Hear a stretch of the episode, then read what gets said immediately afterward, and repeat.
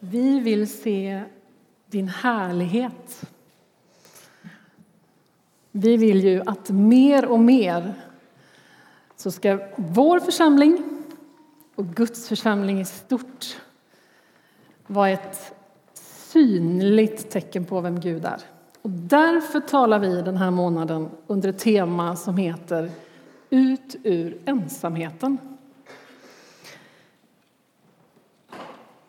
Ett något deppigt anslag som matchar novembervädret, kanske någon kan tycka.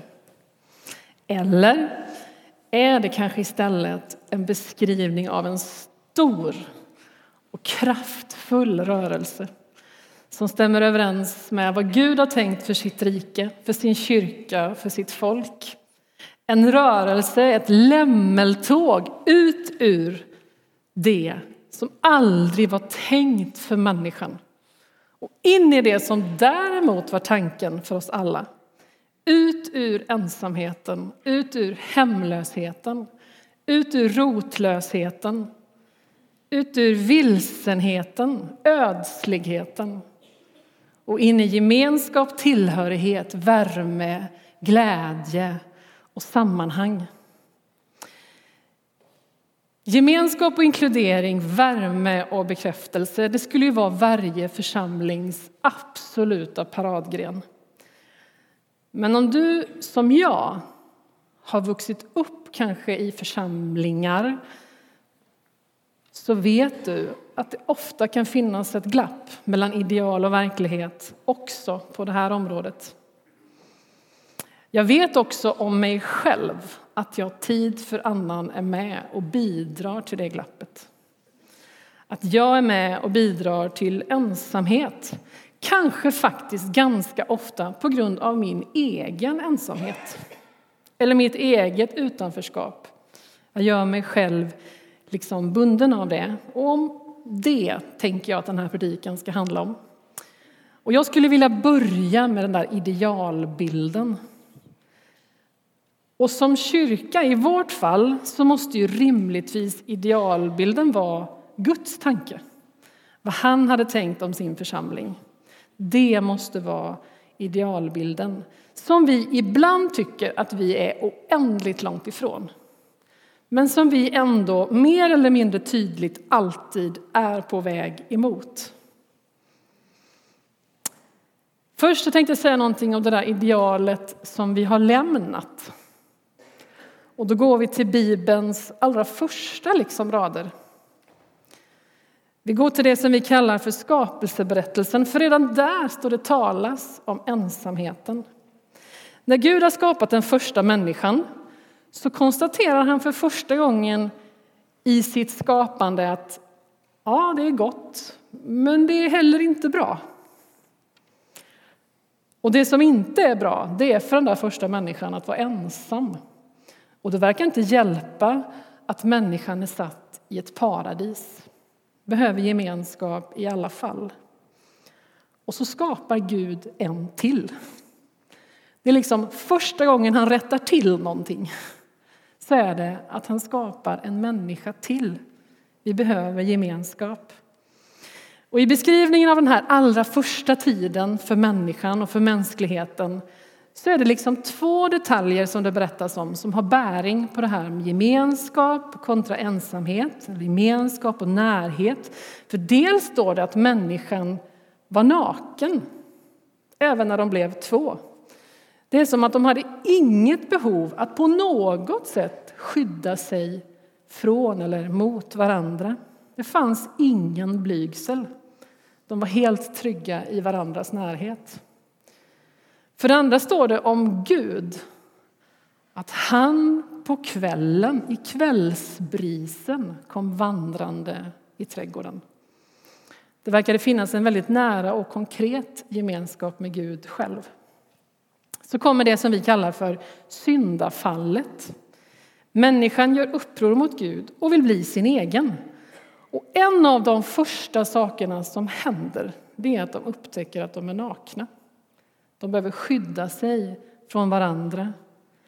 Och Det som också händer det är att när Gud kommer vandrande i kvällsbrisen så gömmer de sig bland träden och Gud måste liksom leta och kalla på dem. Så det är som att gemenskapen mellan människorna blir på något sätt förstörd.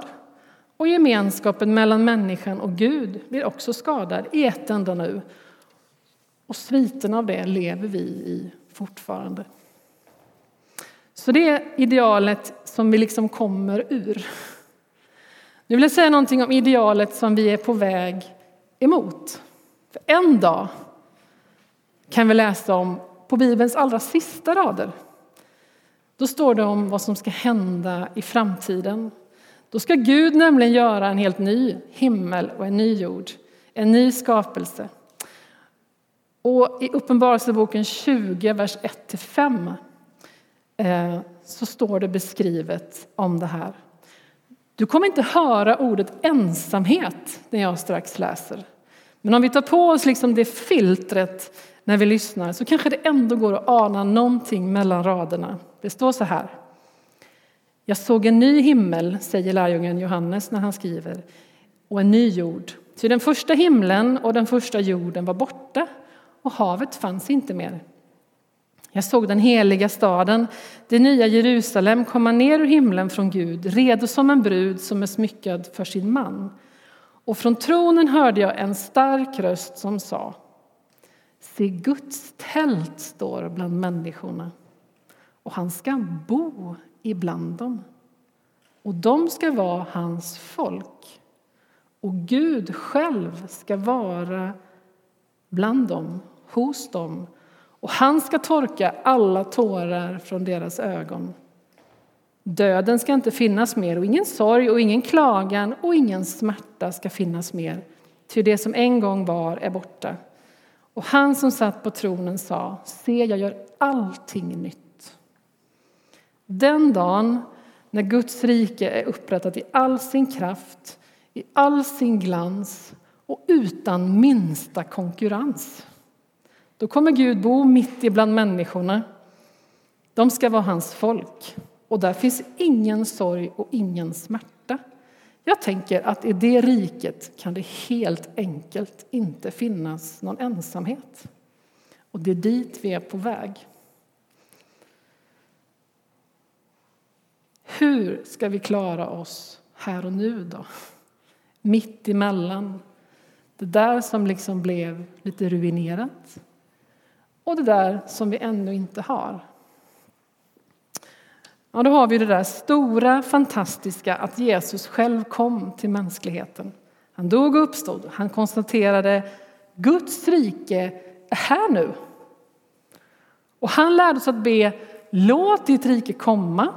Och han lärde oss att be låt din vilja ske på jorden som den sker i himlen. Så vi lever alltså inte bara i en tom väntan, ett hopplöst mörker och vakuum. Utan allt det där som väntar oss och som har blivit oss berövat en gång. Det finns här redan nu. Det har liksom redan tagit sin början i det som Jesus har gjort. Det är givet oss i våra händer, i församlingens händer att liksom börja verka i den riktningen redan här och nu. Vi kan få vara med och skynda på det i hans namn och i hans kraft. Och när vi försöker förstå allt det här brukar vi säga om Guds rike att det är redan nu och ännu inte. När vi inledde det här temat så predikade vår pastor Fredrik från Efesierbrevet 2 och där beskrivs just det här vad Jesus har gjort. Det står om att Jesus har dött för oss, att vi kan bli räddade enbart av nåd och Paulus skriver också om en mur som har rivits ner när Jesus dör och uppstår. Det är en mur mellan judar och hedningar. Och enkelt förklarat är det så. Judarna var Guds folk, de hade ett unikt tillträde till honom och en unik gemenskap med honom. Och hedningarna var liksom alla vi andra. Den muren, skriver Paulus, den river Jesus. Den som ingen kunde forcera, den forcerar han i sin död och uppståndelse. Han påbörjar i och med det ett helt nytt folk där alla som vill följa honom får ingå. Lyssna gärna på den predikan så får du hela det här sammanhanget. Och jag tänker, om Jesus rev ner den starkaste barriären av alla, nämligen gränsdragningen mellan Guds eget folk och alla vi andra, då har han förmodligen rivit ner alla andra murar också. Mellan generationerna, mellan män och kvinnor, mellan starka och svaga och mellan alla folkslag. Det där kapitlet 2 i Efesierbrevet kanske man skulle kunna sammanfatta ungefär så här. När vi följer Jesus och har tagit emot honom i våra liv är det på grund av nåd. Vi står på precis samma punkt allihopa. Det är inte på grund av några meriter. Det gäller lika rakt över för oss alla. Alla har samma förutsättningar, ganska dåliga. Men Jesus tar emot oss av nåd. Och så har han liksom gjort oss till en sorts produkt av sig själv. Han vill att vi mer och mer ska likna honom. Han vill att vi ska bli ett nytt folk med syftet att leva utan den här muren. Han har bestämt det och så ska vi göra hans goda gärningar. Och Det står också i det där kapitlet att innan han dog och uppstod så irrade vi runt i världen ensamma och utan Gud. Vi hade inget hem. Men nu har han gjort det möjligt att komma hem att få gemenskap och bli del i hans folk. Att komma nära. Så hans tanke och det han har liksom roddat med det är att vi alla skulle få ha samhörighet, få leva med hemkomst, tillhörighet, enhet, gemenskap och medborgarskap. Så vi lever liksom inte bara i sorg över det där som pajar eller i ganska utdragen väntan på det som ska komma. Vi lever redan i det som han har tänkt. Och vårt uppdrag är att i en sån gemenskap, borta från ensamheten, tillsammans göra hans verk. Så som det är i himlen. Och Gud vill helande också på det här området. Han vill se allt mer av liksom Gudsrikets verkliga hemkänsla och gemenskap. Långt bort från ensamhet och smärta. Och han vill se det hos oss. Och han vill se det genom oss. Så vad i all världen ska du göra med alla dessa ord?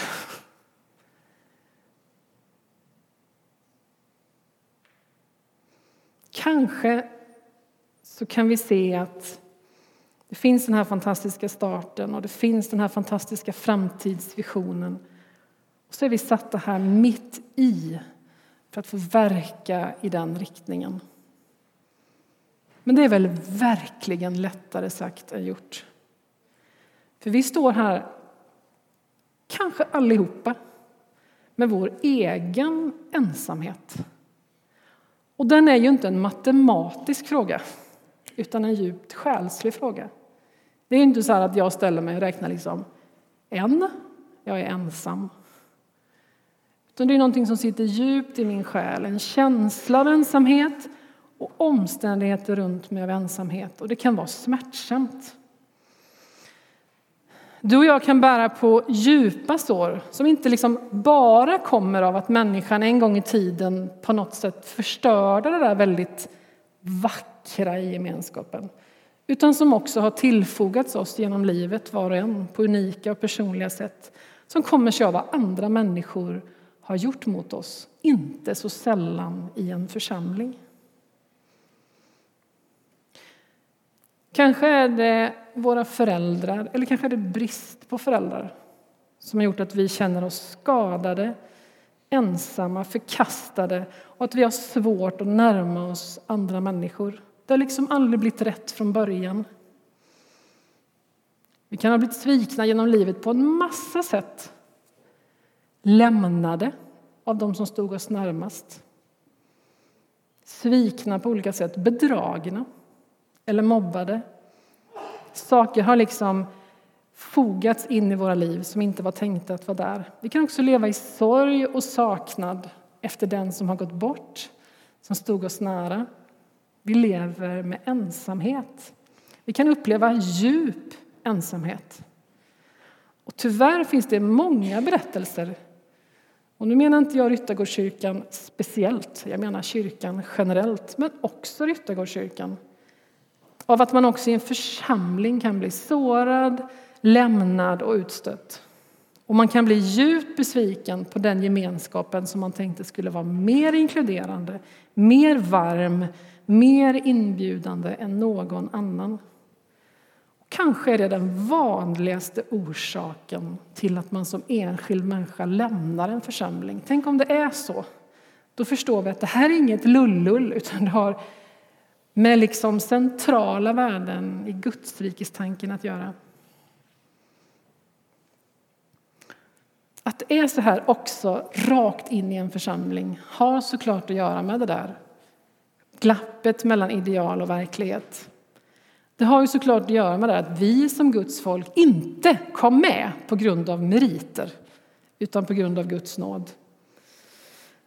Att vi alla möts här och visserligen är på väg mot att bli allt mer lika Jesus, att allt mer formas av honom, av honom. Men att vi ändå fortfarande bär med oss trasighet, sår, skador, osäkerhet, egoism, makt, liksom begär, kärlekslöshet, högmod.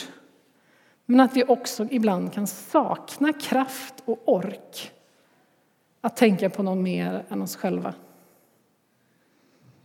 Och när det är så, så misslyckas vi tid för annan både i våra ord och i våra handlingar.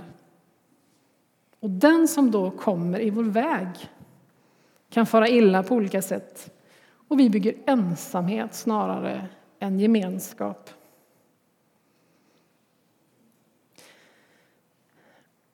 Jag tycker att jag hela tiden hör berättelser och noterar att vi är allt för många.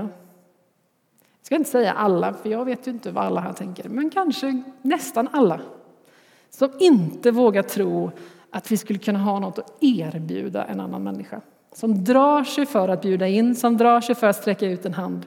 Därför att vi ställer oss liksom längst bak i ledet, eller längst ner på liksom skalan, eller längst ut. Jag hör det ofta. Jag tänker att det så ofta handlar om att vi betraktar varandra lite på avstånd. Vi liksom skannar av ytan. Och vi tror en massa om andra. Vi tänker i termer av liksom alla andra, men inte jag. Tro mig, jag hör det tillräckligt ofta för att kunna säga allt för många, även i en församling, tänker på alla de andra. Precis där du ingår. Alla andra ler och skrattar, rör sig i stora gäng verkar tjusiga eller framgångsrika eller kunniga eller lyckade eller gamla i gården och hemma i huset, genomtrygga på alla sätt. Men bakom allt det där så finns ungefär samma tankar som hos dig. Har jag verkligen någonting att erbjuda de andra? Vi gör så, tänker jag, när vi ibland tittar på kanske en annan generation än vi själva tillhör. Varför skulle gänget från en annan åldersgrupp vilja liksom hänga med mig? Eller jag kan ju inte ta hem någon till mig. Jag har inte tillräckligt stort hus, eller vad det nu är. Jag som är medelålders, vad har jag att erbjuda en ung vuxen? Eller den som är ung vuxen i bara en studentlya, hur skulle den kunna bjuda hem en familj? Man kanske inte ens har tillräckligt många stolar.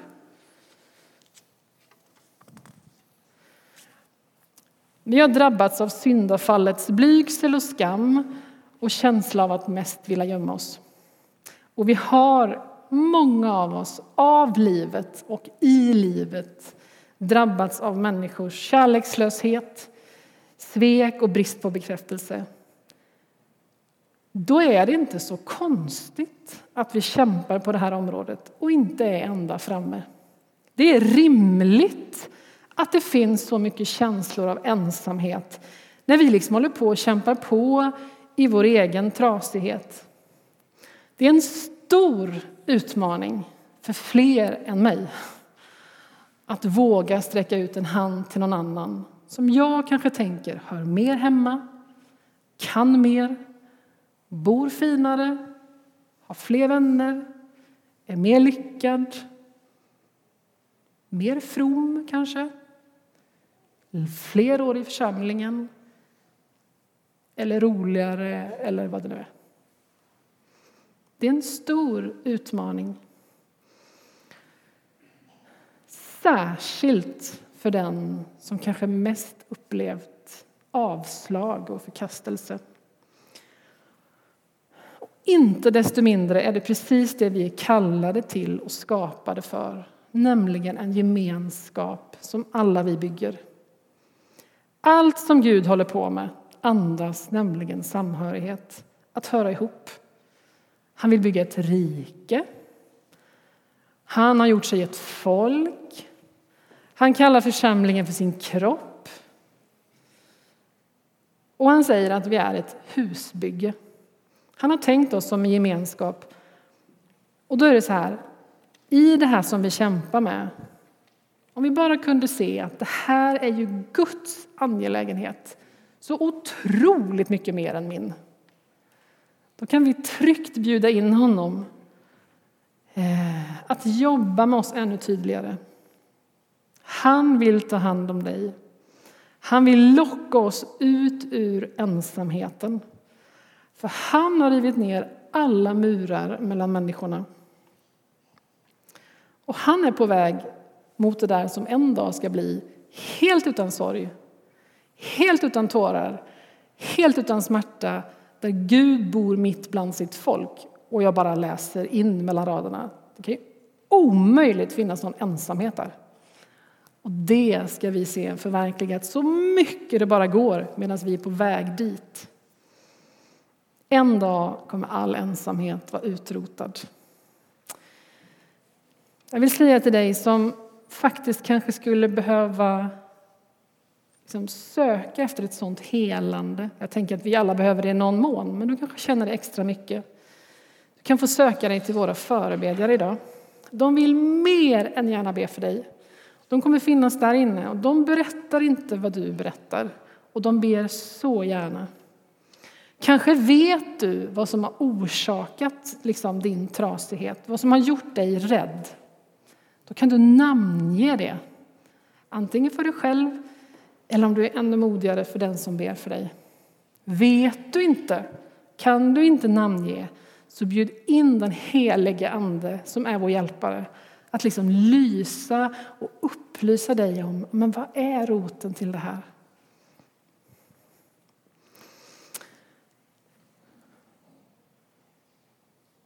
Man kan också söka sig till samtal. Du kan komma till någon av oss pastorer så kan vi förklara mer. Vi har något som heter lyssnande medmänniska dit alla kan vända sig. Och jag tänker att du ska läsa Bibeln. Så att vad Gud säger om dig ofta får liksom höras. Oftare än vad du säger om dig får höras. Så att det får bli till ett förvandlande, att du får hamna på en trygg plats. Och du som behöver utmanas, du som faktiskt idag sitter och har kraft till att bidra till gemenskap, att utmana dig själv. Gör det. Var med och bidra till en helare gemenskap och en helande gemenskap. Sträck dig ut efter någon annan. Bjud in någon annan och bjud hem någon annan. Du kan få vara liksom det redskapet som är med och liksom skjuter på det här lämmeltåget ut ur ensamheten. Han vill locka oss alla ut. Han har rivit ner alla murar mellan människorna och han är på god väg att en vacker dag fullt ut upprätta sitt rike där all ensamhet är utrotad för alltid. Låt oss be.